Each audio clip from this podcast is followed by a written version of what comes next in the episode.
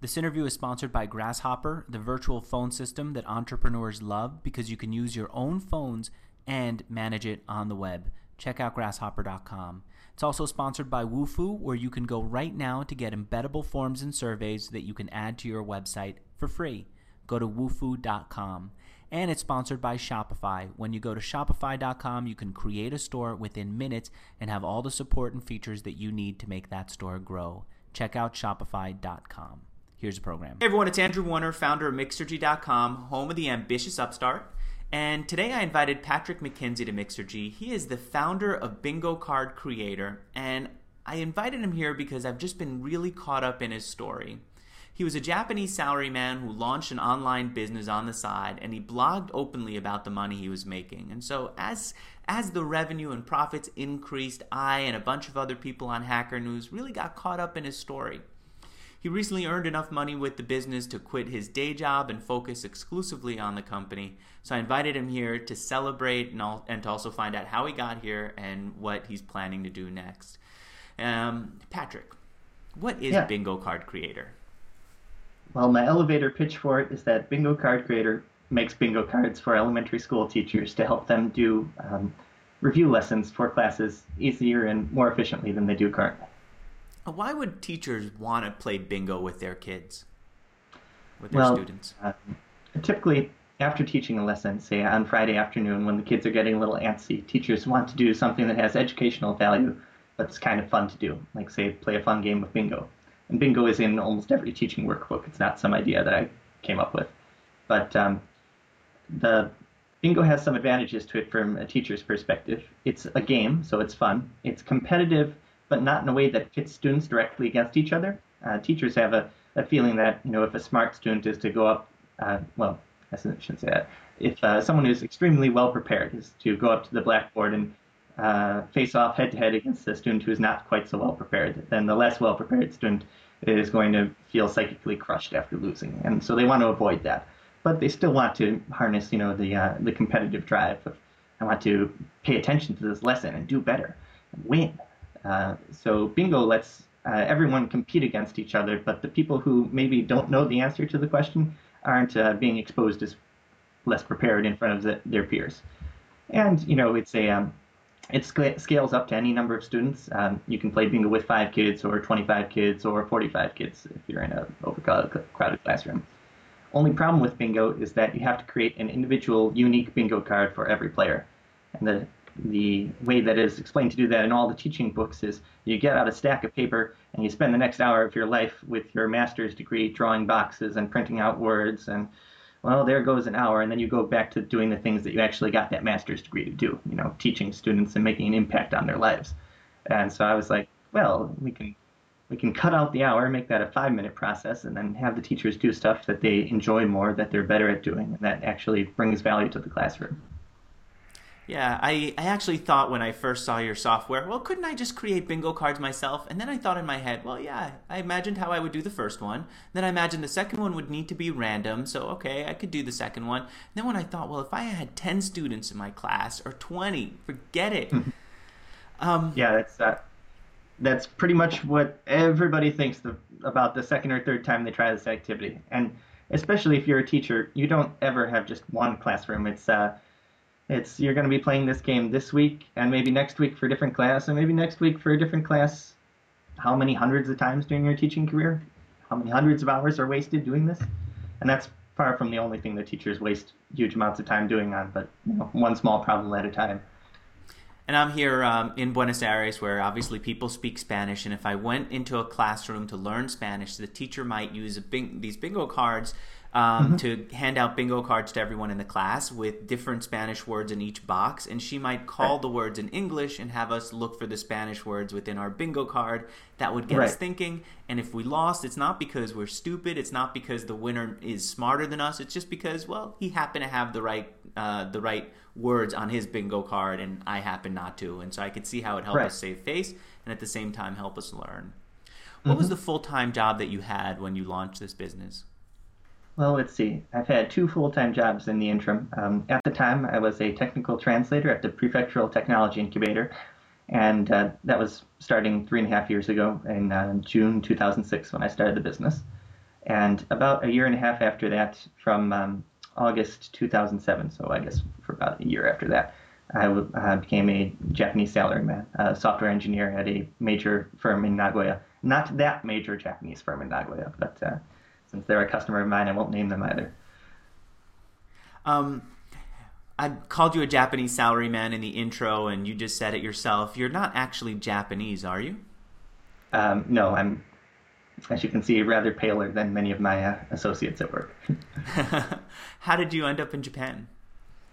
That's a good question. Um, so I didn't really have the entrepreneur bug when I was younger. I wanted to. Uh, I was at university studying engineering and wanted to become a programmer at a you know nice, safe corporate job like Microsoft.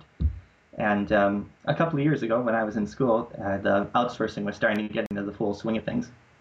And I thought, I'm not really all that great of a programmer. And if I'm going to be competing against, you know, 100,000 engineers graduating every year in India and 200,000 engineers graduating every year in China, and I'm going to need something a bit, bit better than my mediocre programming skills to get me through that, you know, internationalization slash globalization wave. So I thought, well, if um, if I can do one other thing besides programming, like speak a very difficult language, then they'll have to give me a job. And so I looked down the list, and well, Japanese is Japan is a, a big country. They have a lot of money. They don't have that many great speakers of English, unfortunately, and uh, they have a lot of trade with the United States. So if I can speak Japanese and program, then I'll probably have a, a nice, safe job at Microsoft for the rest of my life. and I graduated from college, and when I graduated, I spoke enough Japanese to have you know a nice uh, informal conversation with someone, but maybe not enough to uh, get a, an engineering design document in my hands and read it and say, okay, this is what I need to do today. So I thought, all right, I'll go to Japan for a little while, learn to speak better business Japanese, come back, get a nice safe job at Microsoft. So I went to Japan for a little while and got a job as a, uh, a technology translator at the Prefectural Technology Incubator in Gifu Prefecture, which is it's Japan's answer to Kansas. We have lots of rice instead of corn, but uh, they're very similar in a lot of ways. And um, so I was a translator there for three years, which was the term of my contract. But I really liked the area that I ended up in. I loved the friends that I made here, so I wanted to stay a little longer. So I got the job as the salaryman.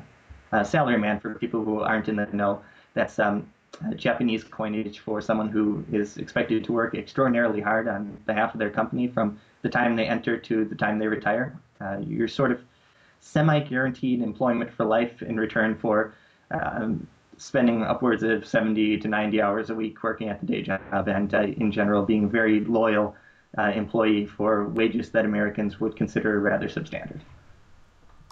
I'm going to get into what the salary was, and I don't know if you'd be open to talking about it, but I'll ask you in a little bit about what your salary was. And of course, people are, are who don't know your story are wondering, well, what's the revenue? What's the profit? We'll get into that uh, revenue and profit okay. for Bingo Card Creator. Um, but I've got to ask you about the hours. Mm-hmm. 70 hours working for a company, not getting paid um, a salary that matches what you'd get paid in the U.S how do you, as you're going through all that, find the time to build a business on the side? Well, you get totally ruthless about not wasting time. Um, I spent in the last three and a half years an average of about five hours a week on my business, um, which I know sort of makes me an outlier on the curve for most of the people on your interviews. But um, uh, so I spent a lot of time working.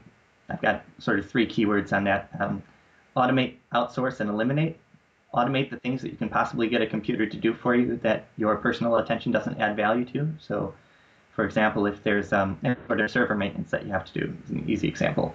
It's the same repetitive procedure that you do every time. Anything that's repetitive and gets done the same way every time should be done by a computer. That's what they're good at. So, spend 10 minutes to write it once, save yourself two minutes a week for the rest of your life. Um, outsource, uh, you know, there's many many people in the world who make less money than you're planning to make per hour as a as an entrepreneur. Um, so my target when I started the business was, all right, someday I want to be making hundred dollars an hour for every hour I actually physically work on the business. So any task that isn't worth hundred dollars an hour should be done by someone cheaper than me. So for example, um, uh, I used to be a teacher. I I like coming up with lesson plans and I like doing this uh, creating bingo card activities, but I don't love creating bingo card activities, and it's something that many, many people in the world can do who are not me. So I would pay other people to create the activities on my behalf so that I can do the things that uniquely require my attention. And uh, they're like uh, I have a teacher, I believe she's in New Mexico. She works for me as sort of a part-time gig for her, and it gives her uh, $100 a month worth of pocket money, and she creates 30 bingo activities for me, which saves me, you know, an hour to an hour or two of my time. She well, creates the more than two hours. She creates some bingo activities for you that that uh, teachers can just download and start using in their class.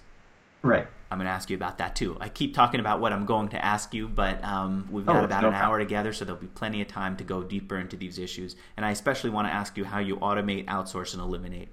Um, okay. But let me be clear about the, the, the facts here. You were working on average five hours a week on this business?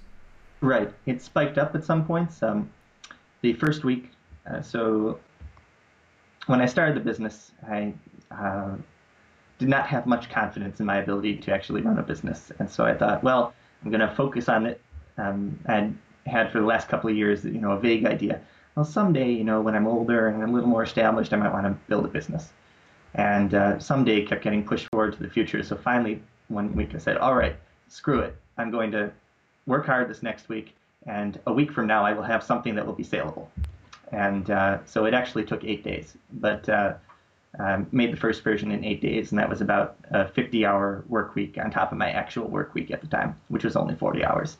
Um, that's probably the most I've ever worked in my life, aside from very bad weeks at the at the salaryman job. And I got sick, so I was like, all right, that's never happening again. So uh, after that, it fluctuated up and down. Like when I released the online version, that was probably a, a few 20-hour weeks in a row, but the average is about five hours. Um, you know, spend a few minutes every day answering email, and on Saturday put in four four and a half solid hours, and then have the rest of my weekend. And as a salaryman, you worked an average of 70 hours a week? Uh, in a so we have a business cycle like any other business. Um, a very good week would see about 50 hours, and a typical week would see 60 hours, and then peak time, which could be anywhere from a, a month of the year to three months of the year, could be 70 hours or more. Wow. Um, wow, I can't imagine spending that much time on a business that's not yours and one that does that you don't have shares in, and mm-hmm. more importantly, one where there isn't huge growth possibilities or huge learning possibilities for how. You know, like I can imagine working for a startup 70 hours a week with the idea that I was going to take all that knowledge and then go build my own business. Mm-hmm. But without that, it'd be really hard. So I'd say an average of 70 hours a week. Well, uh, I won't be too hard on my day job. Um, they really did teach me a lot. I'm a much better engineer right now, particularly a much better professional engineer than I uh, would have been if I hadn't had that experience. Um, it's sort of like I, I feel it's sort of like going to graduate school. You know, you go to graduate school and maybe you get a stipend, but you're getting severely underpaid relative to your value. But in those three years or however much you spend at graduate school, you pick up more skills and you get a nice little certificate at the end of it. Um, I didn't get the certificate aside from the fact that I can say, hey, I'm a Japanese salaryman and get a good laugh out of it. But uh, I picked up a whole lot of skills. Um, one of the we're kind of mad about reliability in this neighborhood because we make most of the cars in the world. And uh, recent incidents notwithstanding, when you, are in that sort of industry, we um, uh, failures cost lives. So even in a software business where failures typically don't cost lives, that sort of engineering culture here is very big on uh, processes and techniques to reduce failure. And that's something that I've done on my, you know, for my business that lets me uh, sleep soundly at night, knowing that it isn't going to break before the morning and you know disturb my four hours of sleep today. Do you have an example of how you did that? Uh, how I reduce. Yeah, how you use the the focus on reducing failure in your business. So, um, I told you I wasn't a very professional engineer when I started at the day job. And some weeks into my uh, career at my previous day job, I was deploying code to the server. And uh, I was doing it in the typically uh, not quite planned out fashion that most programmers probably do when they deploy code to the server. You know, just log in. All right, I need to cd to this directory and type in these, this, and this. And one of my coworkers asked, What are you doing? I said, I'm deploying code to the server. He said, Where's your checklist? I said, what do you mean? Where's my checklist? There's, there's no checklist. I'm deploying code to the server. I said, how do you know what commands you're going to type in? I said, well, what do you mean? How do I know? I'm a, I'm a programmer. You kind of figure it out as you go along. You type in this, this, you see if it works. He's like, all right, hands off the keyboard right now. What have you done? And I said, well, I, have just cd'd to this directory. And he pulled my, pulled the plug out of the wall. Says, you never, ever, ever, ever log into the server without a checklist which describes exactly what you're going to type in. And then, after you've typed that in, exactly what you're going to type in to verify that it did exactly what you expected it to do and nothing else. And um, I sort of rebelled against that kind of stricture at the, at the start. But oh my God, that has saved me so much time over the years. It's it's incredible because if you if you have that discipline of doing that every single time you touch the server, you will save so much time on downtime, so much time on breaking things, and save so much time that you don't have to spend writing letters to your customers saying, "I'm very sorry I screwed up earlier today. Uh, I'm sorry that I disappointed your room of 30, uh, 30 children. I will try to make it up to you in the future. You don't have to write that email. That's you know five minutes of your life that you can spend on doing things that didn't make anybody mad. So now you so, have a checklist today that you use before before you touch the yeah, server. You do. I have I have a physical checklist for for when I'm doing a deployment. It's I, off the top of my head maybe six commands long. One, two, three, four, five, six. Check them. Check them off. Ding, ding, ding, ding, ding. And then after I do that, I have the other checklist to verify that um, uh, that it actually took. You know, the the things that I uh, I did had the expected effect. And I missed doing that once because I was exhausted at the day job, and sure enough, that that was my biggest downtime in four years. So I'm trying to be better at it in the future. You know, it's interesting. I used to have a checklist for even doing these interviews. Mm-hmm. And I said, Well, I already know this. I've done so many interviews. I don't need the checklist anymore. And then I ended up doing an interview with Seth Godin that was really early in the morning here. Mm-hmm. And everything was just the way it ordinarily was. But because it was so early, I forgot to plug my mic in. And the whole mm-hmm. interview happened with the mic in my computer. And I figured that was just a one time thing, let it go. But I've been re- rethinking it. Maybe I should maybe I should have checklists. Do you ever get to a point where you look at your checklist and say, "Come on, I've got to loosen up a little bit"? I've done that, and you know, it's it's like it's like flossing your teeth or wearing. Okay, I'll, I'll say this one. It's like flossing your teeth. My dentist always tells me it's okay. You can you don't have to floss your teeth. Just floss only the ones you want to keep. and checklists are sort of it's okay if you can tolerate you know total failure on that system that's fine don't you don't have to use the checklist if you can't tolerate total failure then yeah use the checklist maybe 98% of the time it, it doesn't help you at all because you did it all right the first time that other 2% of the time though that will save your life i see what what else do you have a checklist for? Um, i have a checklist for so my 12 hours of downtime was a result of upgrading the distribution on the server. So i have a you know in learning from failure there. I now have a checklist for upgrading the distribution on the server. Uh, i have um, mostly it's the sort of um, procedures like that that I know could cause failure uh, that I actually write out a physical checklist for. Um, I have a you know list of things that I go over when I create a uh, you know a new feature for the software. Did I did I test this this this this you know uh, not just so you had a great interview with uh, Hiten Shah earlier. Um, I hope I pronounced his name uh, right. Hiten Shah, yeah. The startup uh, principles, and um, so the checklist covered not just did I, you know, did I execute the code correctly? Did you know, will this do for my customers what I expect it to do? But also, do I have some reason to expect that my customers actually want this? Do I have some mechanism in place to check how they're actually using it? That's I've I've uh, learned through painful experience over the years that I am not the best judge of what my customers actually want. And so on the checklist, if I'm going to spend spend you know a week or two weeks of my life creating something, and I'm darn well sure going to spend the extra 10 minutes to, to add an A/B test to my website and figure, all right, was this worthwhile to create? I see. You're talking about the interview that I did yesterday with Hiten Shah, the founder of Kissmetrics. Mm-hmm. He told me in that interview that he previously spent on just one business failure half a million dollars, didn't get a single customer because he was out of touch with what his customers wanted. He didn't go and check in with them. And he gave us several stories of how he lost thousands of dollars and lost man hours building products that people didn't want. And then I asked him, okay, what's the process that you go through now? And he gave me what was essentially, as you're pointing out now, a checklist for how to take an idea that comes to you in your head and make sure that it's something customers want. And along the way, keep adjusting and pivoting until you end up with the product that they want. And then you go back and add another feature going through the same process. Are you telling right. me that you have a similar checklist for yourself for even coming out with a new feature or a new product? Um, yeah, that's fairly accurate. Although I've never wasted uh, uh, half a million dollars because I've never had half a million dollars to my name, but I've definitely burned um, like. So the version three of my product had uh, a bunch of features which would be very boring to most of your listeners, but I spent two months of my development time on them. So eight weeks times five hours a week, 40 hours. 40 hours of my life making these things. I thought, yes, these are these are going to increase sales. And uh, then I looked at who actually used them. And of the first 60,000 people who were exposed to the uh, to the new version of the program, 12, 12 people out of 60,000 actually used those features that I spent all my time on. So now you have 40 a, hours. Mm-hmm. So now I I'm feeling the pain by the way because I know based yeah. on the hours that I've been writing down here you don't have hours to spare in the day. Right.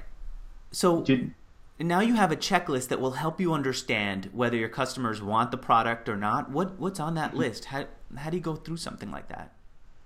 Well, um, uh, so I think like uh, Shah was saying earlier, people kind of converge on this after doing it for a while. But the if I could put two words on it, I, am a really fan of the lean startup methodology. I'm not sure I'm the best exemplar of it in the world, but um, uh, you know, you first have a reason to believe that something that you're creating for someone actually uh, actually will fulfill a desire that they have. And that reason could be customers have been asking you for it, or even better, that you have uh, you know, statistical evidence from your customers' actual actions on your site that, yeah, this is something that uh, they could use.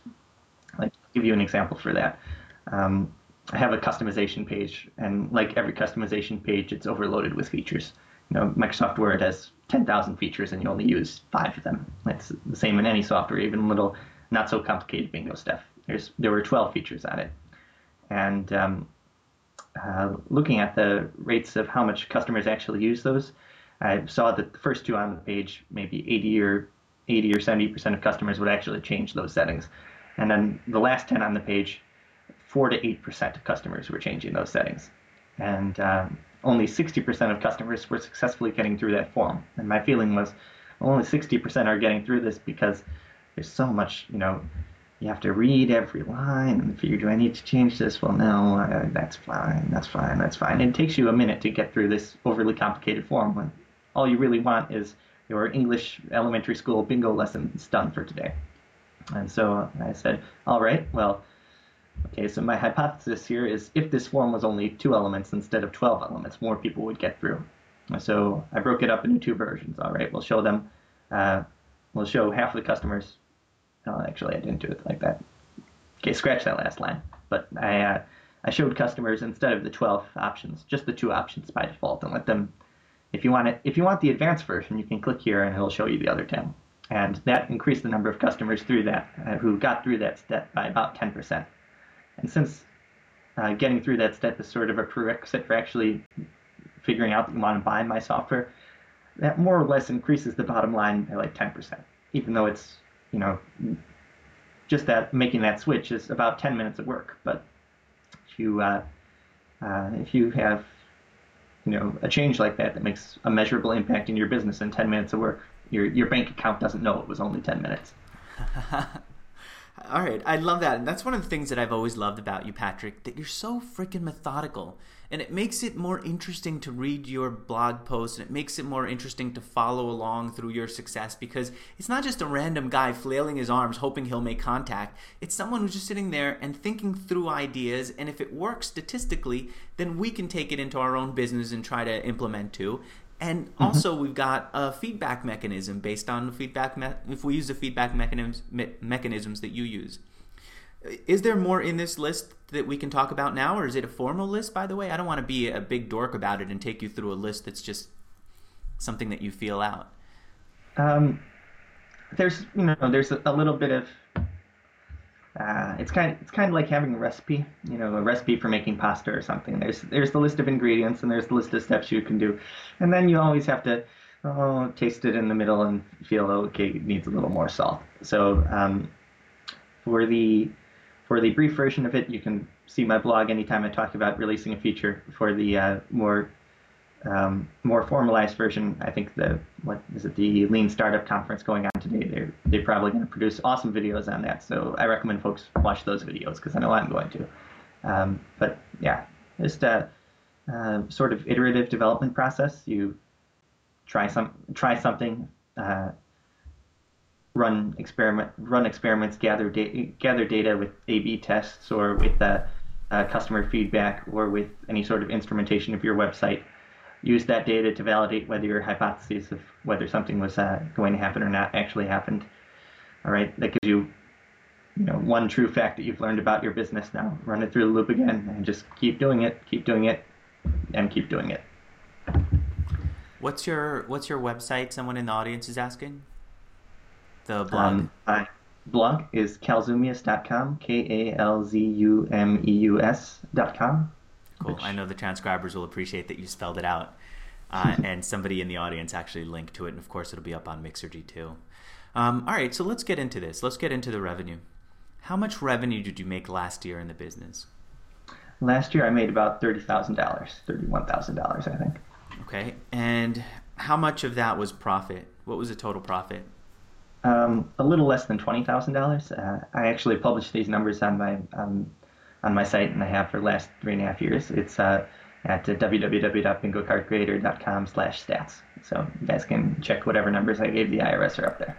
All right, we're about four months into this year. How did the first four months of this year compare to last year, roughly? Um, I'm up by, I think January was up by 70% versus last January, and uh, it's looking that I'll probably be up by about 50% this year. So I'm looking at sales of about $45,000 and profits of about thirty thousand dollars for this year just on the bingo stuff.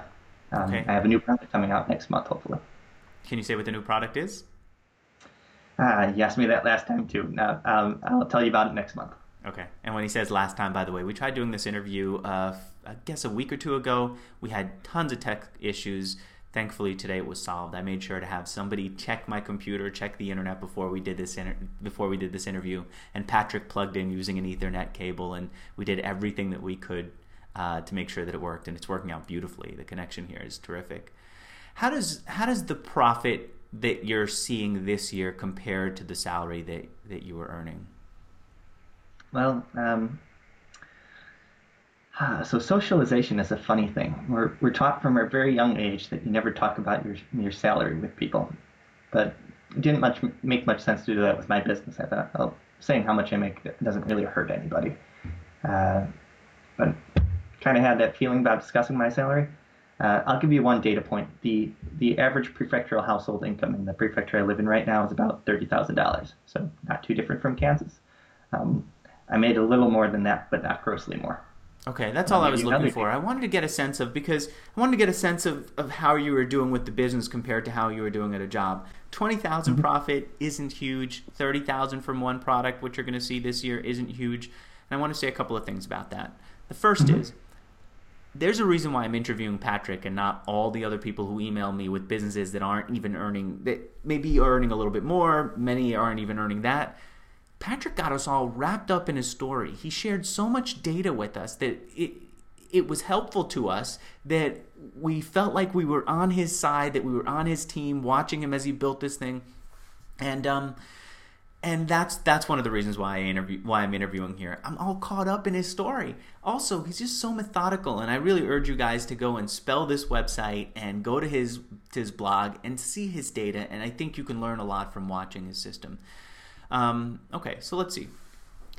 Let's go through uh, some of what you did to make it to make it work. The first thing I'd like sure. to ask about is how long after you launched did you get your first sale? Uh, that was about two weeks. Okay, and by the way, someone uh, Michael Rakowski in the audience is saying thirty thousand. Take into account that it's also five hours a week, and he act, and he came up with the hourly salary in there um, mm-hmm. in the chat room. Okay, so how long did it take? I'm sorry. About two weeks until my first customer from the day that I opened for business. What was it like during the two weeks before you got the customer?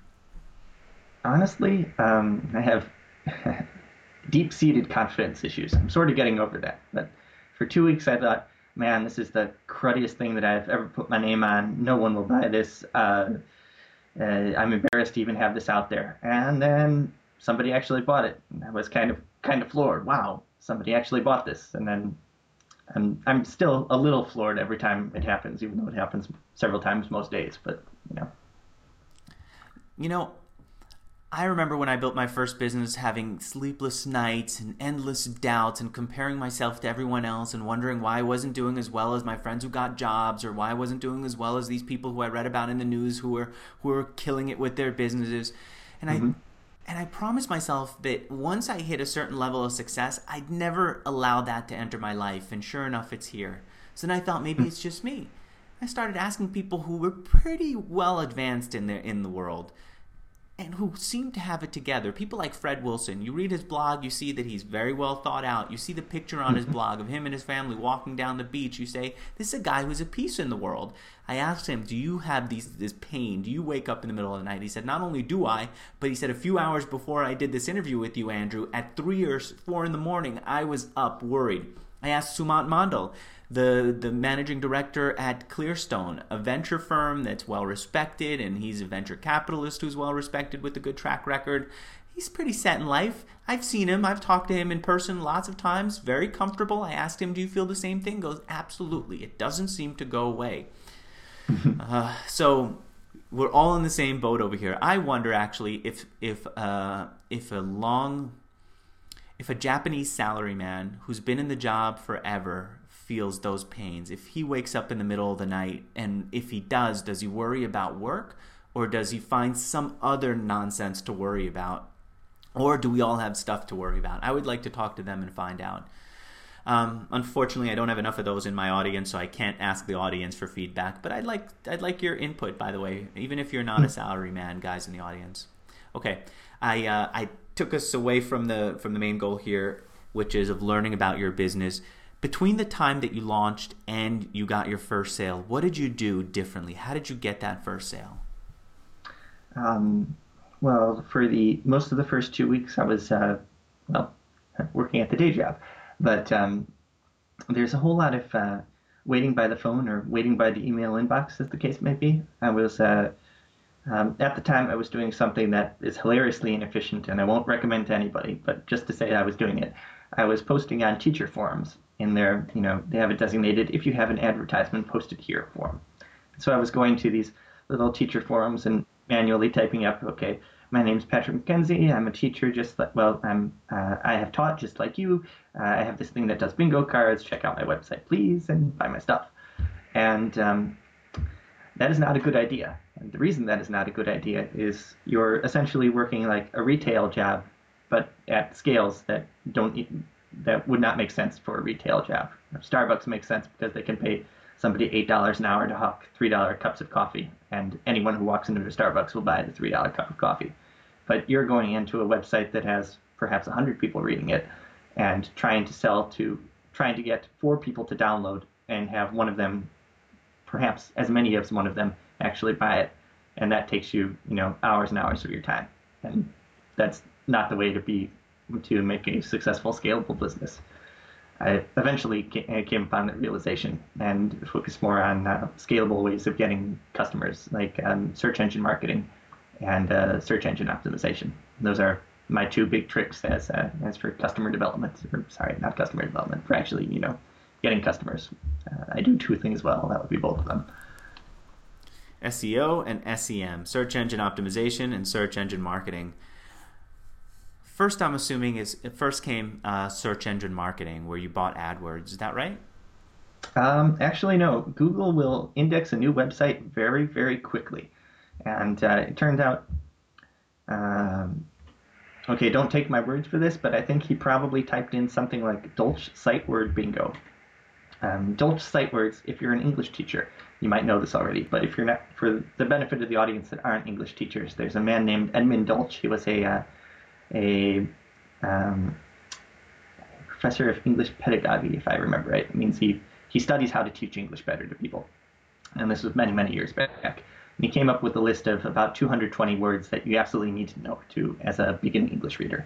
And he grouped these lists into lists by grade level. And so English teachers, they might not know that whole story, but they know Dolch sight words are words that you need to teach to kids. And so if you're teaching a lesson on Dolch sight words, you might want to play, quote, Dolch sight words bingo.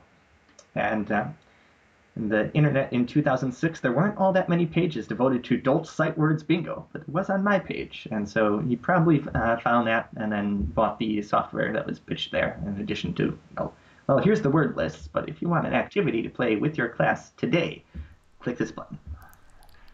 I see. Okay, so you started getting customers from that. Mm-hmm. That right. was my Dolch Sight Words Bingo was paying my rent for uh, probably the first uh, oh year and a half of the business. Wow. Okay, so you're in a business that you want to scale. You found a um, an avenue that worked. What mm-hmm. did you do with that? Well, um, so automate, outsource, eliminate, right? Um, the so the Dolch Sight Words Bingo page, I made that literally in Notepad, uh, typing all the HTML by myself, and it took maybe an hour and a half to do that. And they made another page on Dolch sight word lists, which is another thing people are searching for. And that was another hour and a half. I was thinking, well, how many activities are there that an, that an elementary school teacher will want to run with their class? Hundreds, thousands. Am I going to have an hour and a half to do each of them? Probably not. So um, after about a year and a half of running the business, I wanted a scalable way to create web pages like that. And so I switched my website from plain HTML to Ruby on Rails, which is a server-side technology that I had never used before, but decided, okay, I'll teach myself this and then use it for the business. So I taught myself Rails and um, created a, it's called a CMS, you know, something like WordPress, where there's a nice little box you type you type in magic beers on the website. And so um, at the time, it was uh, Uh, not very impressive technology.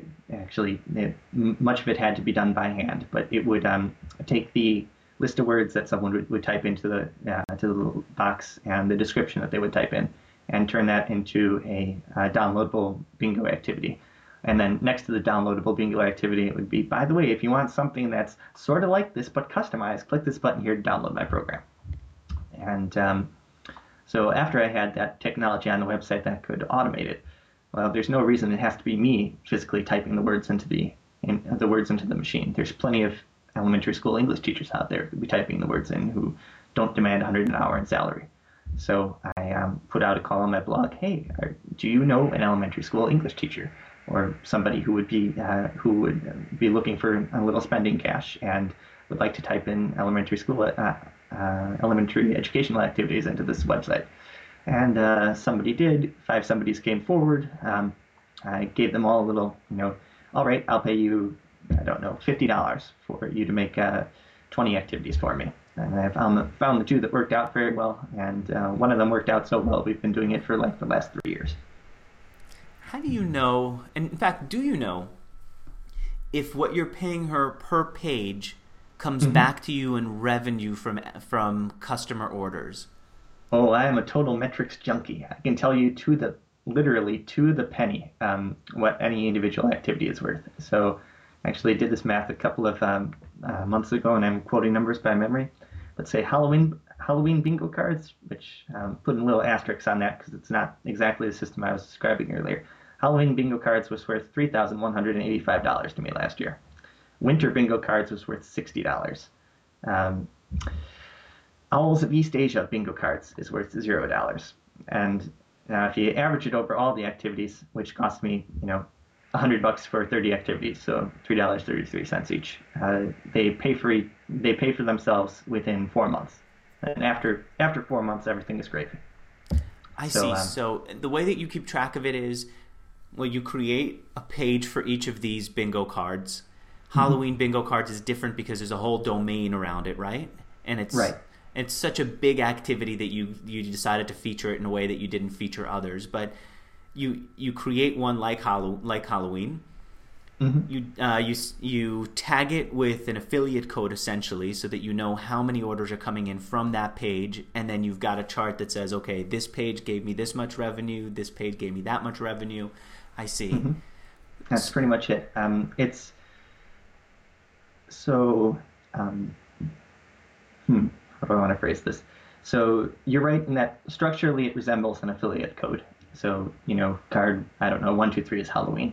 Uh, it's a little different than an affiliate code though, in that um, the landing page that you end up on, or the the page on my website you end up on, and that you click the uh, you know start using this online button from actually changes the experience that you get after you've uh, signed up for the service. So for example, um, most affiliate systems don't do this. If uh, if you come in looking for Owls of East Asia bingo cards and you sign up for my service, then I'm pretty darn confident that you would like to be using Owls of East Asia bingo cards. So as soon as you create your account, it'll say start making a new bingo card, or you were looking for Owls of East Asia bingo cards. Click here to get started.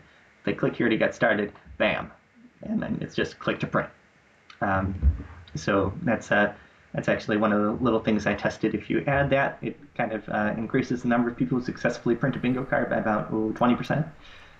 I see. And the uh, reason you care about that is the, the, the funnel is people come to you from search engines, they mm-hmm. register, they download, they use a bingo card and print it, mm-hmm. and then once they like all that experience, then they buy. Right. And so you want um, them to print the first one and have that happy experience because the, right. the happier and the faster they get to that point, the more likely right. they are I to think, buy. Uh, the faster somebody gets to seeing stuff coming out of their printer, the faster they're going to give me their credit card. So I try to optimize for that. Um, I'll tell you one thing though. Most people, what they what they'll do first is they'll try to print you know one bingo card just to see that it's, it's it when it comes out on paper, it's something that they like. So I try to get that first bingo card printed out really, really fast. As soon as they print one bingo card and find out they like it, they're going to figure, okay, size of class plus one, 28, print 28 bingo cards. And then the software will tell them, uh, it's only free up to 15, but if you pay now, within two minutes, you can have 28 bingo cards coming out of your printer. And uh, so if I, I'm a metrics junkie, I chart this. Um, the number of people who buy on the first day of uh, their trial period, their it never ends. But the number of people who who buy it the first day they come to my website is astronomical compared to anything else. It's 90% of people buy the first day. Of the remaining 10%, 90 buy the first week. Of the remaining 10%, 90 buy the first month. Uh, so that's, by the way, a very, very uncommon pattern among things sold on the internet.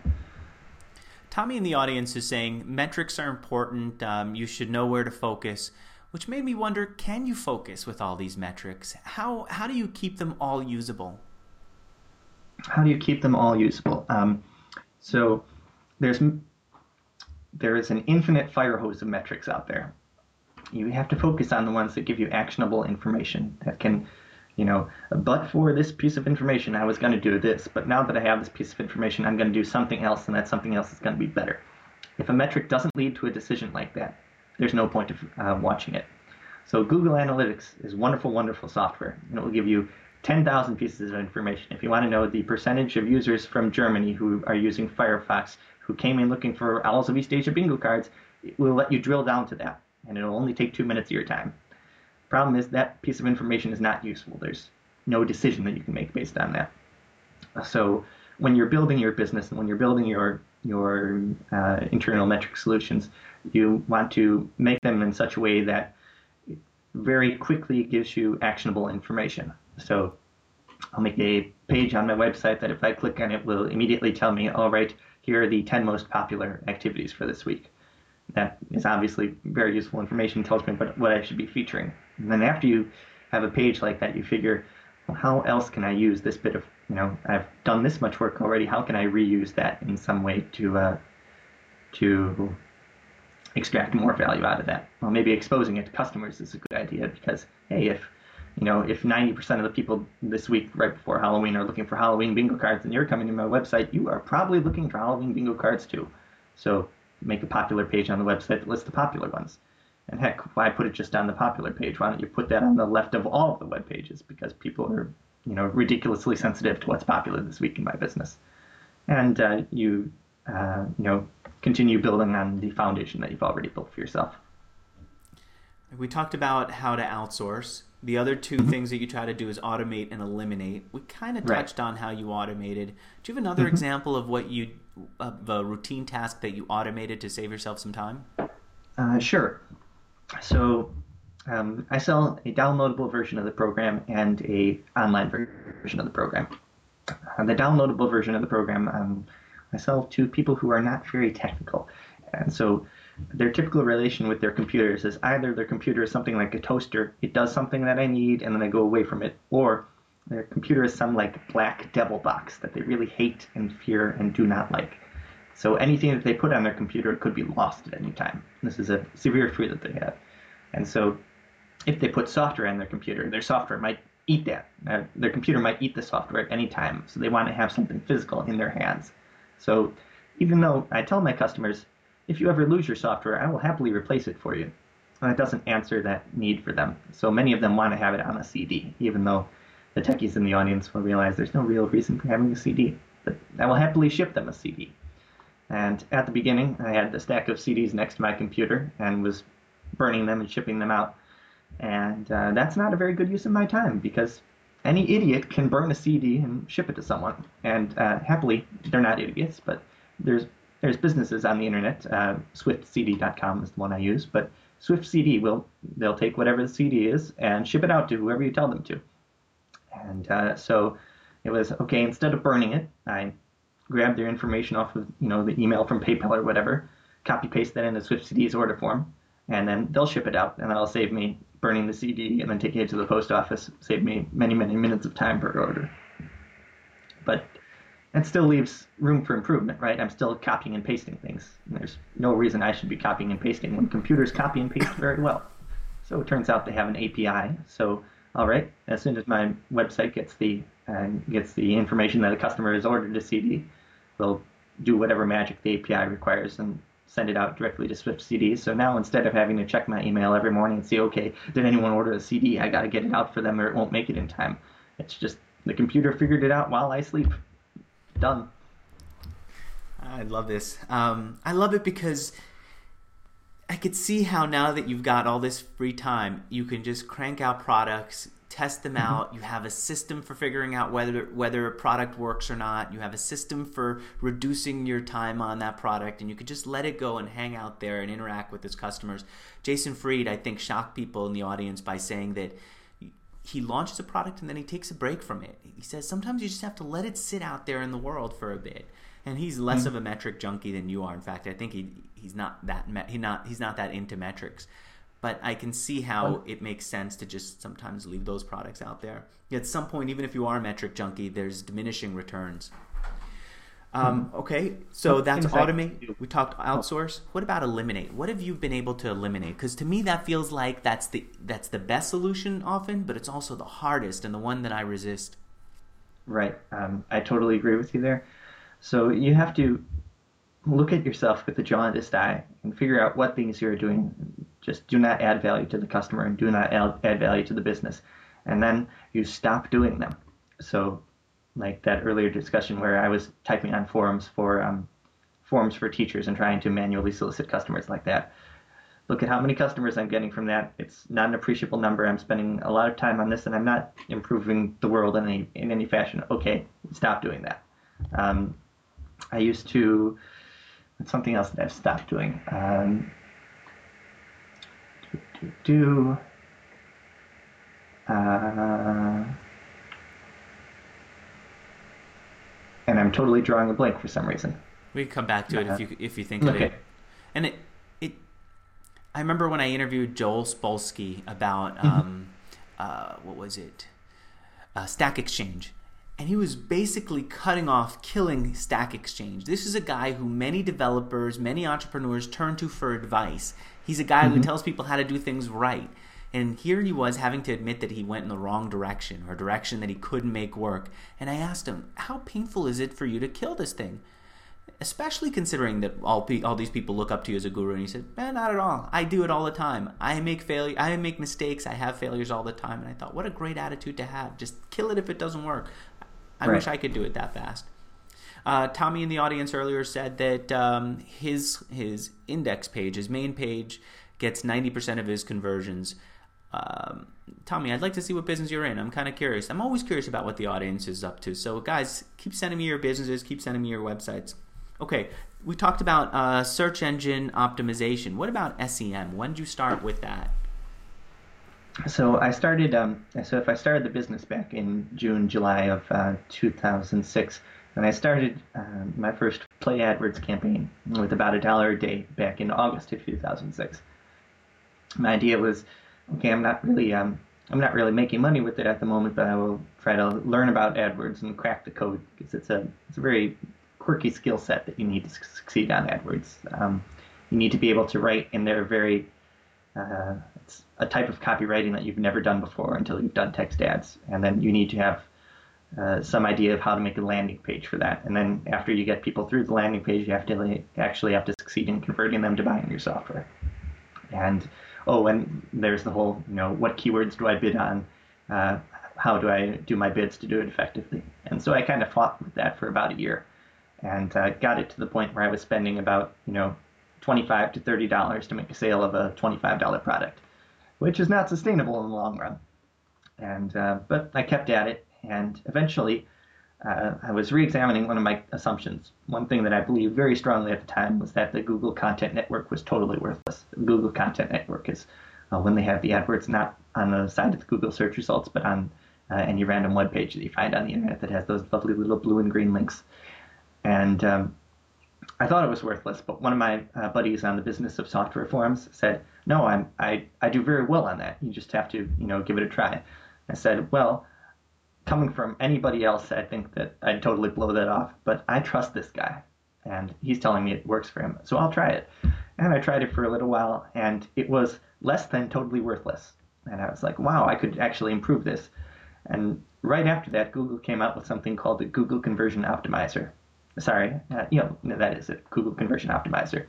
And it's basically, instead of you manually controlling what uh, what keywords and what money you'll bid on the keywords and what uh, exactly how many cents or how many dollars you'll pay for a click on particular websites, it says, all right, you tell us how much money you're willing to pay for a conversion, you know, a, a download or a free trial sign up or a sale and you tell us the universe of uh, keywords you want to bid on. We'll figure out which ones in there work better for you, which ones work work less, and uh, we'll optimize it such that you spend more money on the things that get you better business results and less money on the things that get you less. And so, uh, because they bid on the entire content network at once for you, it says, all right, we'll find all of the websites that work out for you and we'll pay them appropriately. And for the scam sites and the low quality sites that have been dragging down your ROI and that you've been spending 10 hours a week just banning one by one an interface, we'll just forget about them. And so I uh, blogged about, well, I started using content optimizer, uh, sorry, conversion optimizer, and I immediately had very good results. And so um, when conversion optimizer came out, a, not many people were having very good results, and B, if they were having very good results, they were probably keeping it to themselves because big companies, you know, like when they have a massively profitable thing to keep that knowledge inside the company. But I had been blogging about everything for forever, so I wrote on my blog, Google Conversion Optimizer is really working for me. And um, I was number two for Google Conversion Optimizer if you Googled it uh, under like the actual page. It was you know number one Google.com, number two me, and uh, I'm assuming that Google googled their own product uh, and found that oh well there's this guy who seems to be working very well on it, and so they gave me a call actually at about 3 a.m. in the morning, and uh, said. Hey, would you be willing to do a white paper with us on this Google Conversion Optimizer thing and tell people how you've been successful with it? I'm like, mm, yeah, I, am willing to do that. Uh, you're using me as a reference for success on the internet. That's kind of spooky, but I'm willing to do that. I see. Yeah, I actually saw that. I saw the case study that they posted up about you, and I did research on you, and it really is impressive. It's impressive to see what you've been, what you were able to do with Google Conversion Optimizer, and it's also impressive to see that they used you as a reference there. Um, My, uh, actually, so funny little side note on that. Uh-huh. Um, a lot of people who are doing that part-time part-time entrepreneurship thing are very very worried about keeping their day job on board with it. You know, is my day job going to uh, feel that this lessens my value to the company, or are they going to claim my IP? And when I started my most recent job, I said um, I have two conditions for working here. Number one is I go home at Christmas, so you're going to have to deal with that. Uh, number two is that I have this little hobby on the side, and if you want me to stop the hobby, you're going to have to buy me now. And uh, they said, Wait, no, that's not really the way we work about this. And I'm like, okay, uh, this little hobby is going to increase my value to the company. lots. And here's one example for it. I'm the only engineer at your company who's ever done a case study with Google. Here's the website. Uh, now, I'm going to keep doing things like that, increasing my, my value, and you're not going to have to pay for any expensive training classes or whatnot. I'll teach myself the technologies, we'll bring them and use them to you on whatever project you want. But you have to let me keep doing this, or you buy the business right now. And they said, oh, okay, we'll let you do that, but you know, make sure you bring us more value with it. And so that worked out great for both of us. Um, they did get some. I can't tell you what I did for them, but I've I, have i have done things for them that I would not have been able to do without my funky little side project. And uh, they obviously, you know, uh, let me do my little thing for three years without ever complaining about it. So let's take a few points here from the audience. Um, Actually, someone was just asking, is Andrew going to post this? Uh, yeah, I absolutely will be posting all all my live interviews get, get posted up on the website. I'm actually going to have a new editor do the video editing on this. He's going to use professional oh. software, and he'll and this is the most important thing to the audience. He's going to clean up the audio, which should be really interesting to see. So, guys, this probably will be the first video that he edits. Give me feedback on how the audio is. Uh, let's see what else we're. Um, there's a conversation in the audience about whether you're the Patrick who was on Aaron Wall's SEO forum. Yeah, you used to be one of the moderators, right? I'm currently one of the moderators, I think. But yeah, I'm on his forum. Um, I spend far too much of my time on the internet. Um, so my original sort of like base was the um, business of software forums. That's actually where I launched my business, and they were very instrumental for me, you know, keeping me, pushing me to go forward and uh, giving me feedback and ideas. And then, uh, in addition to that, I spend uh, a lot of time on Hacker News, as you've seen, and uh, on the uh, SEO book forums. That's a, a, paid forum actually, and I paid him uh, about two months worth. And after two months, he came to me and said, "Listen, you're leaving such great comments on the forum. I hate taking your money. Can you switch over to a moderator? You keep commenting, and I'll give it to you for free." Like, oh, that works for me. So Aaron told us when I interviewed him that he had great moderators, and now I can see I can see how true that is. Um, uh, the other guys are much better than me. uh, I'm not so sure. I think a lot of people go to you for, for SEO information and online marketing information to see how much you've been able to do with so little. It's really impressive. Uh, what, let's see what else we've got here. Actually, before I go to the next question, Chris Davis, I'm going to take your question next how do you get value out of uh, out of message boards? I see a lot of people in message boards who are trying to get value out of them. They're going to the right message boards because they have the right topic and the right people. But when I look at their interaction, they're mostly just hanging out. How do you get real value? And you told me the first time we did this interview how the the uh, the people on a message board were helping you think through your product, helping you get that first sale, and in the in the days when you didn't get even a first sale, they were helping you think through it. And you said in this interview that they pushed you on. So, all that's a long way of asking a short question, which is how do you get value out of online message boards? So, one of the things that a sentence I read a couple of years ago, and I don't remember where I read it, but it stuck with me, is create more value than you capture.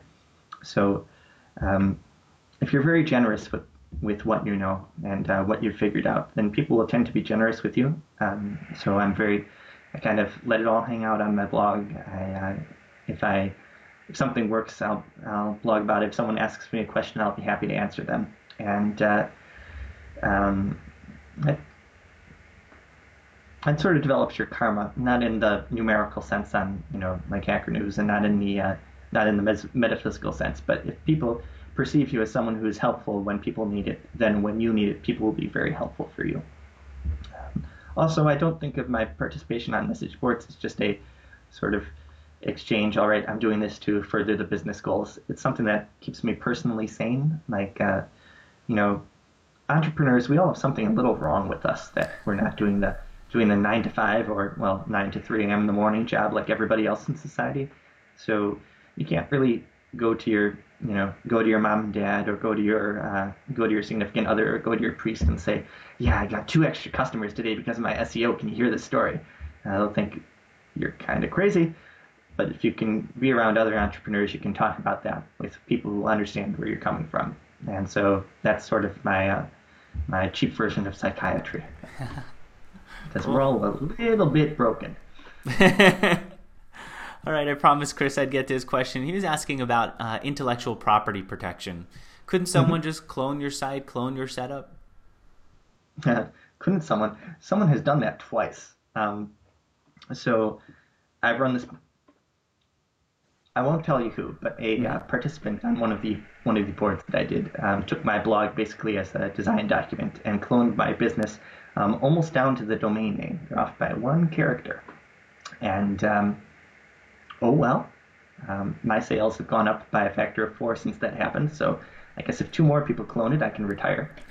Um, you know, what are what are people going to? Uh, I think entrepreneurs worry too much about competitors. Um, is it, you know, there's uh, there's a million fish in the sea. There's a million niches out there. There's a million takes on any one in, individual niche. Uh, bingo cards is not exactly the world's, you know, the world's largest software market, there's 10 firms in it, and I'm probably maybe the fourth biggest. Um, I won't, I won't uh, plug my competitors by name, but there's one that sells mostly to American school districts, and that's business that I'm not capable of going after, and that I have no uh, desire to go after because it requires dealing with the school district purchasing cycle and uh, chasing purchase orders and things that I cannot do efficiently from 12 time zones away in five hours a week. So they can slice off that little slice of the market or that big slice of the market, as the case might be, and I can go after what I can comfortably do as my scalable uh, search engine strategy.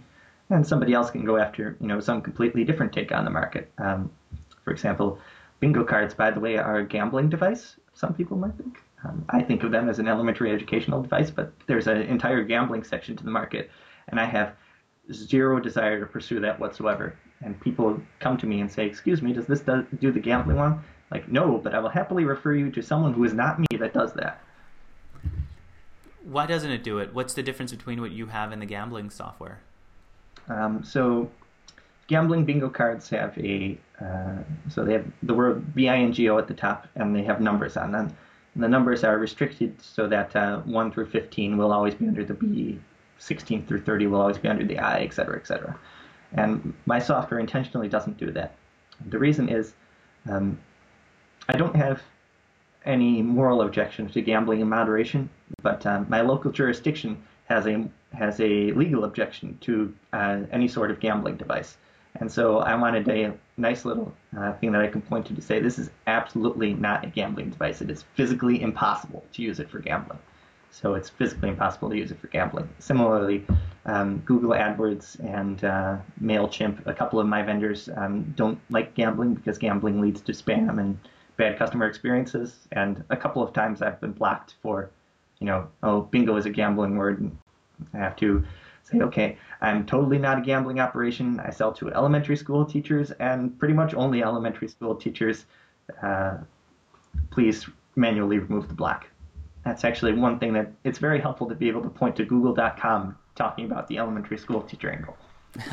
hey, um, they're probably a customer of yours too. You want to be on their good side, right? They like me.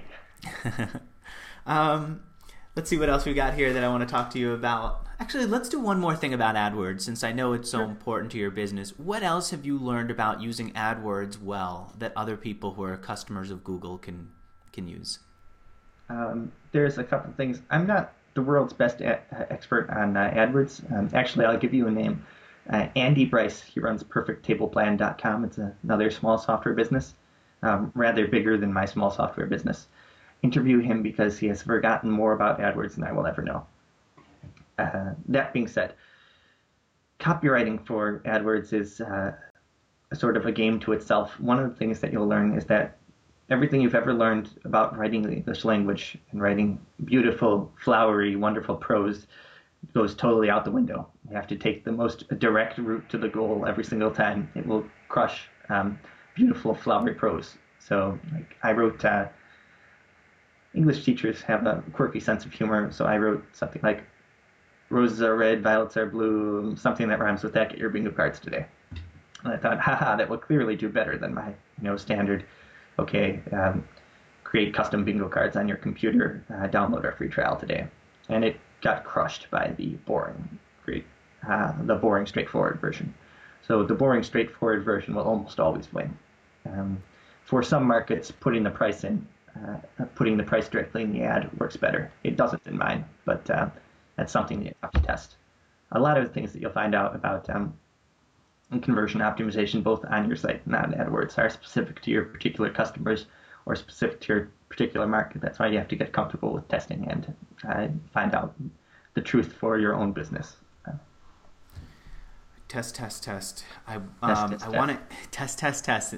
I want to finish this off with maybe a collection of tools and services that you use and recommend because I've been writing some down here and they're really helpful. Swift CD, for example, swiftcd.com is a place where you uh, have your CDs made and shipped out to your customers. We talked about a few forums, SEO book, Hacker News. What was that that biggest one, the biggest influence? The business of software forums. It's uh, Joel Spolsky's site. It's uh, discuss.joelonsoftware.com slash question mark biz. or you just Google business of software forums. That's how I always find Actually, now I know which one you're talking about. Yeah, if you just go to joelonsoftware.com, there's a link directly to it on top. Um, any other forums that you use that you'd recommend? Um, those are the three that I spend most of my time on. Okay. Um, any tools that you use that you'd recommend? We talked about uh, Google Conversion. We talked about Ad- AdWords. What else? Um, so Hiten Shah, who was on earlier, he has Crazy Egg. I'm one of Crazy Egg's earliest customers, and quite possibly their happiest customer because um, they do they show you where people are clicking on your website, which is a key piece of information to learn, particularly when you find out that people are clicking on things that you did not expect to be clicked on. Um, and because it's a very visual tool, you will find that almost instantly when looking at a report of your website. And so that's it's gives you high value information. You can make real effective decisions on in a very very fast fashion which is basically like hitting everything on my list for what great analytics should be. So they they charge me 20 bucks a month. It's the best money i've ever spent. Um, use crazyegg.com totally not compensated for that one by the way. Um, let's see another one eJunkie is a they wrap um, paypal and google checkout in a consistent api which has saved me a lot of time for doing payment processing, and they charge something ridiculously, ridiculously low, five dollars a month flat fee. And for non-developers, eJunkie makes it really easy to create a shopping cart, to add products to the shopping cart. They give you this one dead simple code, and you add it to your Right. site, and you're ready to roll and start selling. What else? Right. I use a lot of stuff. Um, so, hmm, some people in the SEO space don't really trust Google all that much. I have mixed feelings about Google. Uh, I love them a lot uh, for many reasons, and on the other hand, they are a giant mega corporation, which uh, d- sometimes does things that I'm not very not very uh, sanguine about. Um, so if you're worried about giving all of your data to the Google juggernaut and you don't want to use Google Analytics, the next best option for generic analytics is probably GetClicky. Um, well, the software is called Clicky. It's at getclicky.com. And they also give a real-time uh, view called, I don't know why they would call it this, but it's called Spy. So uh, actually, you were clicking on my website and I saw someone accessing from Buenos Aires accessing this particular page. Um, personally, I don't think that real-time uh, analytics is worth it for most businesses because it makes you slave to the computer screen and you're not generating decisions and value for the business when you're walking, watching, you know, ping, ping, ping on the computer screen. But uh, it's an amusing tool to look at once in a while. And they do, you know, basic analytics like who's clicking on what page, what search engine keywords are uh, giving you very, very well. And they are not owned by Google and will not be bought by Google. So that's a- that's I use get I use consideration for many- getclicky.com. Um, and the founder, actually the co-founder of the business, Noah, will be here. I think we've got him scheduled for a month in the future, so we'll have him on here soon talking about the business. And I don't think they get enough attention. People are now talking about Chartbeat a lot. I don't know if you've used Chartbeat, but they do real-time analytics. They're a BetaWorks company. Um, and when uh, who was it? Mark Suster wrote a blog post about them. I instantly introduced him to Noah of GetClicky, and I said, just check that site out too because it's it's simple and it's easy to use. And for people who are listening who, who aren't sure if it's right for them, it's free too. At least for the first 30 days, you'll get every single thing for free, and then afterwards, you'll get most of what you need for free. hmm I've All right. got um, one other recommendation for you. And um, so I'm an A/B testing junkie. I'm such an A/B testing junkie that I kind of literally wrote the software that does it for Rails for most people. It's called A/Bingo. You can find it if you Google. Um, but despite that, if you're not an A/B testing junkie or you're not a Rails developer, I have a recommendation for A/B testing. It's called visualwebsiteoptimizer.com. It's run by one guy in India, who might also be a good guy to get on the program because um, Google has a product that competes directly with it and competing for directly the same, you know, kind of non-technical marketing type folks.